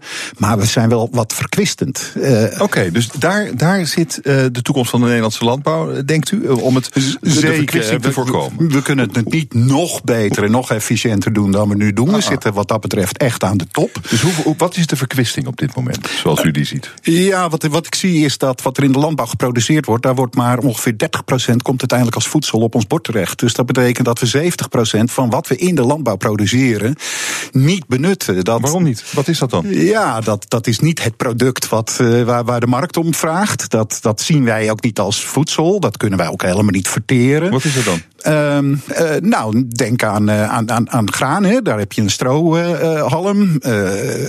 suikerbiet. Daar heb je een bietenblad. oh, oké. Okay. Ja, ja. Dus, dus je hebt op die manier. daar begint het. Hè. Op de akker begint het. Eigenlijk op de akker oogsten we alleen ja, de echte voedselproducten. zoals we die ook in, in de supermarkt kennen. Maar de rest blijft achter op de akker dat is eigenlijk afval. Dat is reststroom. Ja, ploegen we onder en dat is gewoon dan weer uh, goed voor het land. Of dat niet? is goed voor het land. Alleen uh, wat nog beter voor het land is, is uh, de mest van de dieren. En de dieren zouden ook heel goed die akkergeresten zeg maar als diervoer kunnen, kunnen okay. benutten. En dus, maar waarom doen we dat dan niet? Uh, ja, in, in, in principe uh, doen we dat soms ook wel, maar we zijn er niet echt heel efficiënt in. Hè? Dus, dus er, er lijkt wel een stroom van, uh, nou die kringloop die doen we dan in, in een keurslijf van biologische landbouw. En de rest moet ja. allemaal, uh, ja, dat, dat, dat, dat is zo'n productiemachine, ja. dat, dat is ook wat verkwistend. En eigenlijk is de kunst om die twee aan elkaar te verknopen. Ja, u, zegt, u zegt al kringloop. Ik zat te denken, waar u naartoe gaat is circulariteit. Klopt, klopt. Het, het, het, het dat is, is een grote, grote systeemverandering. Zoals we die ook in andere industrieën kennen. Papier, kringloop, uh, witgoed, kringloop. Oh. Maar we doen nog heel weinig aan voedselkringloop. Hè. Ik, ik spreek net over die akker, maar wat te denken van uh, de, de, de, de resten in de voedingsindustrie. Uh, er is in Nederland, dat is uniek in de wereld, een, een koekjesfabriek. Die gebroken koekjes afzet bij een diervoerfabriek. Die er varkensvoer van maakt. Ja, dat lijkt me slim. En op die manier verspil je dus niet de koekjesresten die je anders verspild zou zijn. En dat betekent ook in de wezen dat je veel minder landbouwproductie nodig hebt om dezelfde hoeveelheid voedsel te produceren. Dat betekent dat we veel zuiniger omgaan met de aarde, veel zuiniger omgaan met de grondstoffen, eh, meststoffen, water. Eh, en eigenlijk ook eh, veel minder broeikasgasuitstoot hebben van voedselproductie. En dat is een groot dilemma. We, we, we, we, we moeten voedsel produceren. Dat gaat gepaard met broeikasgasemissies. Dat willen we niet. Maar de optie minder voedsel produceren is er niet. Dus zullen we echt op een slimmere manier voedsel moeten produceren. Door die kringlopen te sluiten. En de Ehm, kringlopen dat- sluiten, dus reststoffen. Ja, wat u beschrijft is echt een systeemverandering die nodig Ja, is. dat hè? is een wezenlijke Ja, systeemverandering. dat is echt serieus. Ziet u, eh, behalve die koekjesfabriek, al meer eh, initiatieven in die richting? Ja, gelukkig wel. Gelukkig ken ik heel veel boeren. En, en, en, en zie ik ook dat er heel veel boeren zijn die op, op eigen erf eh, zo'n kringloop weten te realiseren. Want daar begint het, En daar begint het in, in, in regio's waar akkerbouwers en veehouders met elkaar zeg maar, samenwerken. Om kringlopen te sluiten moet je samenwerken. En dat zie ik ook. Ik zie dat ook wel in, in, in de agribusiness. Hè, dus de, de diervoerindustrie, de voedselindustrie. Eh, steeds meer open oog voor die eh, samenwerking. Maar we staan aan het begin hoor. En eh, we hebben een regelgeving die ook niet heel erg kringloop-minded is. Hè, dus die soms ook juist wel verbiedt dat je, dat je reststromen terugbrengt in, in, in de voedselproductie. Geef eens een voorbeeld alsjeblieft. Eh, voorbeeld is eh, nou, dierlijke mest. Dat is een Eh, groot probleem op dit moment. is een hartstikke groot probleem. En, en we maken er zelf een probleem van. Omdat dat we, dat we de mest zien als afval. Dus dat laten we in de gierput verrotten. Eh, ja, dan hebben we rotte mest. En we kunnen niks anders doen dan het op het land uitrijden. En daarmee is het een zware milieubelasting. Ja. Maar als we die mest nou eens eh, meteen oogsten. En zorgen dat de, de poep en de urine gescheiden wordt op een vloer. En we oogsten die, die poep. Dan is dat de basis voor een prachtige compost. Voor een prachtige vezelrijke compost. Waar de bodem ontzettend veel baat bij zou hebben. Als de regelgeving het toestond om het op die manier ook te mogen toepassen. Dus het mag gewoon niet. Sommige dingen mogen niet. Maar, maar waarom, mag je, waarom mag je geen compost maken van, eh, van mest? Eh, omdat het dierlijke reststromen zijn. Dus we zijn erg bang voor reststromen uit de voedselproductie. om die terug te brengen in de voedselproductie. Eh, dat heeft allemaal compost te maken met. al- in het verleden hebben we verkwist, eh, vervuiling gehad daardoor. Eh, Tuurlijk, betekent dat je het heel zorgvuldig moet doen. Dat je zware eisen moet stellen. Dat het hygiënisch allemaal op orde moet zijn. Maar die technologie is er. Die kennis is er om het op die manier ook in te vullen. Dus die beperking in die regelgeving mag eigenlijk geen beperking zijn op weg naar de duurzaamheid. Nee, maar die is het wel.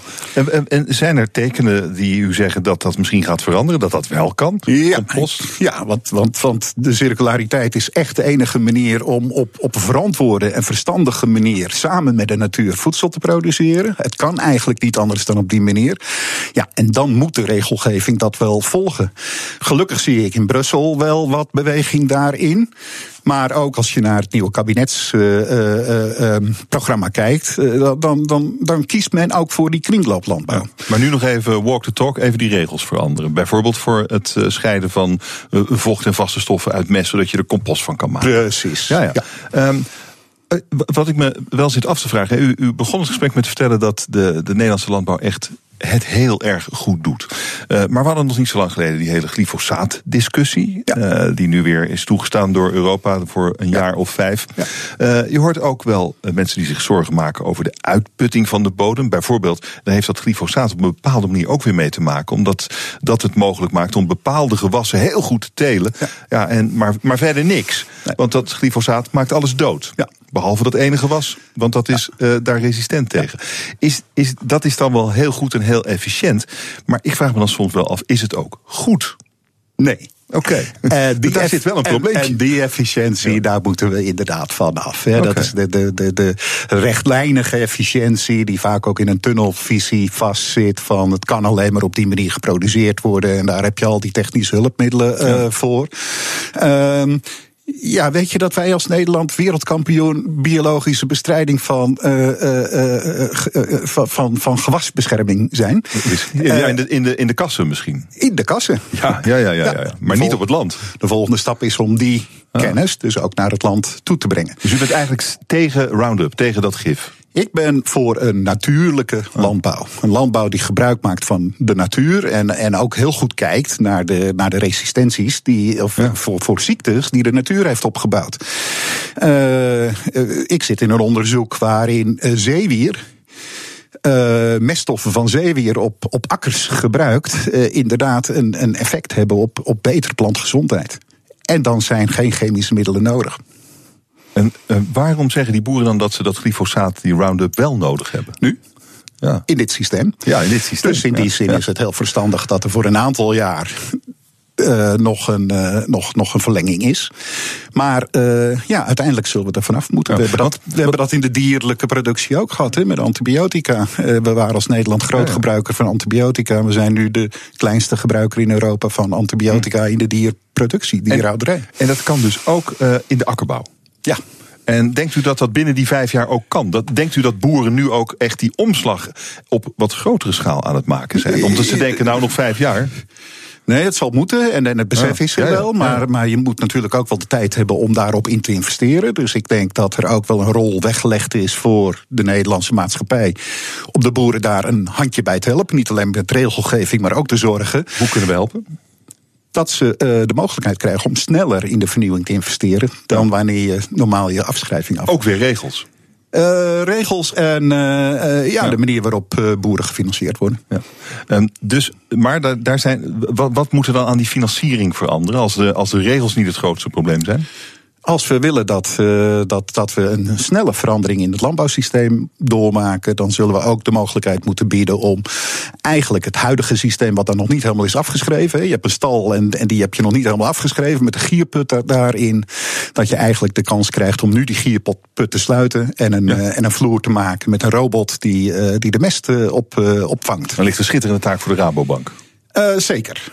En gelukkig zie die Rabobank ook die kringloop, maar ja. niet alleen de Rabobank. Ik zie ook de Aha. andere banken als ING en, en ja. de AMRO.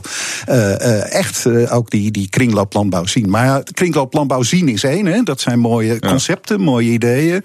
Maar je moet het wel in de praktijk brengen. En, en, en dat is ook zo belangrijk dat wij in Nederland ook hè, adel verplicht. We zijn de beste in de wereld. We tonen de wereld hoe je op een hele verstandige, duurzame manier voedsel kan produceren. Dat moeten we blijven. Dus we zullen ook nummer één in die kringlooplandbouw moeten zijn. Daar kijkt de hele wereld naar. Dat is de rol voor Nederland. Dank u wel voor dit gesprek. Martin Scholte, verbonden aan de Wageningen Universiteit. Hartelijk dank. Hoe bewerk je een serieuze roman tot een stripboek? Striptekenaar Peter van Dongen was er jaren zoet mee en hij is zo direct met... BNR Nieuwsradio. Ze gaan als zoete broodjes over de toonbank. De bewerkte roman van Adriaan van Dis. Bewerkt door striptekenaar Peter van Dongen. Hij is zo mijn gast. Eerst even naar Jurgen Rijman, want straks met Ask Me Anything. Waar gaat het over? We gaan het hebben over de lokale politiek. Want um, vandaag um, is er een enquête uitgekomen van raadslid.nu. Dat is een landelijk uh, orgaan van, uh, of de landelijke vereniging van alle raadsleden. En uh, ja, die laten weten dat ze zich een beetje de lokale democratie in gevaar voelen komen. Omdat door de samenwerkingsverbanden met gemeenten eigenlijk raadsleden buitenspel worden gezet. Oh ja. De wethouders zien onderling zaken met elkaar. En als raadslid word je gewoon vaak voor de vette compagnie gezet. Dit hm. gaan we doen. En ze willen meer power hebben om te kunnen ingrijpen in elk geval. Of in elk geval ook samenwerkingen te kunnen stoppen. Of om de zoveel tijd te kunnen evalueren. En uh, ja, dit blijkt een hele issue te zijn nu. En ja, maar wat gebeurt er allemaal nog meer op uh, lokaal niveau? Op, op zeg maar in de regionale politiek? Want het is ook interessant. We hebben binnenkort de gemeenteraadsverkiezingen. Dus eigenlijk alles over de regionale politiek en uh, de lokale democratie kan je vandaag, alle vragen kan je vandaag bij mij kwijt. Ik heb ook de mensen die er alles van weten. Uh, mensen van uh, raadslid.nu heb ik hier binnen zijn. Uh, Henk Bouwmans, hij is directeur van raadslid.nu. Ik heb Marije van den Berg van Democratie en Uitvoering zeer bevlogen over de lokale democratie. En we praten ook nog met Quint Kik en hij is van het Simuleringsfonds Journalistiek. Hij, hij onderzoekt de lokale pers. En hoe verder de lokale pers ja, nog invloed heeft. Ook een ander probleem. En, ja, en ook ja. onderzoek. En eigenlijk ook de lokale politiek onderzoek. Nou, dat moet natuurlijk ook gebeuren. Maar al je vragen vandaag via Twitter, BNR, via mail. Je mag me whatsappen. De nummers vind je op bnr.nl. Als je me wil mailen trouwens, is het askme.bnr.nl. Maar het leukste is als je even belt. Dankjewel. 020 468 en je vraag live stelt in de uitzending. Jurgen, dankjewel. Veel plezier straks. Thanks. Goed, wij gaan het hebben over het verstrippen van romans. Striptekenaar Peter van Dongen bewerkte de roman Familieziek van Adriaan van Dis. Vandaag verschijnt de tweede druk van het stripboek. Roman in stripvorm. Peter van Dongen, welkom. Ja. Goedemiddag. Goedemiddag. Het boek ligt hier ook. Ja. ja, het is echt een stripboek. Een hardcover. Uh, mooie tekening. Linnen van een- bandje. ja, linnen bandje. Ja, voor de, kijk eens even. Voor de, echt voor de liefhebber dit. Ja, ja, ouderwets. gewoon, dat, dat wilde ik graag. Jaren 50. eh. Jaren 50, ja. Ja, dat, het dat verhaal is, speelt in de jaren 50 in en dat zie, je ook, dat zie je ook aan het boek. Ja, dat wil ik ook. Dat moet natuurlijk wel alle, alles bij elkaar eh, passen. Hoe is het idee geboren om dit te gaan doen? Een roman verstrippen. En dan ook nog deze roman. Het, is, eh, het idee is begonnen bij Van Dis zelf en zijn uitgever Tilly Hermans in 2000, nou, 2008. Want toen werd ik gevraagd door beide. Waarom wilden ze dat? Familieziek is een eh, roman van, van Dis uit 2002. En ik denk dat hij gewoon een particuliere wens had. Gewoon een roman van hem dus in, in beeld te vatten. Het kan een film zijn. In dit geval was- het een eh, stripboek. En hij kende mijn vorige werk Rampokan. Dat gaat over eh, de koloniale oorlog in Nederlands-Indië, Indonesië. Dus de politionele acties voorheen.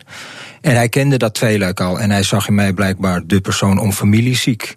Een vader-zoon relatie eh, Want, want, te verstrippen. Ja, ja, want jullie, jullie te verstrippen. Het is Ja, woord. kijk, zo- dat een is een- woord. het is een woord. want, want jullie, jullie eh, delen eigenlijk wel die geschiedenis, die familiegeschiedenis. Ja, we schelen? 20 jaar, maar Ja. kijk, hij, hij is geboren in eh, Nederland, in Bergen. Ik, ik ook natuurlijk, 20 jaar later exact. Maar kijk, zijn moeder die heeft ook, en zijn halfzusjes, die hebben ook een geschiedenis in Nederlands-Indië. Voorheen dus eh, nu Indonesië. Mhm. En dat, dat geldt natuurlijk voor mijn moeder. Mijn moeder is, van de, is uit 41, maar in de jaren 50 na de dekolonisatie. Dus na de onafhankelijkheid van Indonesië zijn heel veel Indische Nederlanders vanuit eh, Indonesië toen naar Nederland gegaan. En daar, daar ben ik dan weer het resultaat van, omdat mijn moeder mijn vader in Hilversum leerde kennen, een, een Nederlander. Maar dat voor Van Dis en, en mijzelf, we hebben een gedeelde familiegeschiedenis. Ja. Dus En- dat paste. En, eh, maar oké, maar dat, de- het fascineert jullie beiden enorm. Wat is uw fascinatie voor die, voor die, die kant van, van uw leven, die familiegeschiedenis? Nou, eh, mijn fascinatie is gewoon heel simpel het feit. Ik, ik kom hier uit Amsterdam-Zuid. Gewoon hier eh steen op afstand ben ik hier eh, opgegroeid. Zat dan op de Anne Frank school. En wat ik altijd vanaf jongs af aan, vanaf de kleuterschool... je bent altijd vanaf, in de jaren zeventig dan, deze generatie die ik dan heb... opgegroeid met wat de Duitsers deden in Europa, Nederland. eh, Wat er met Anne Frank is gebeurd.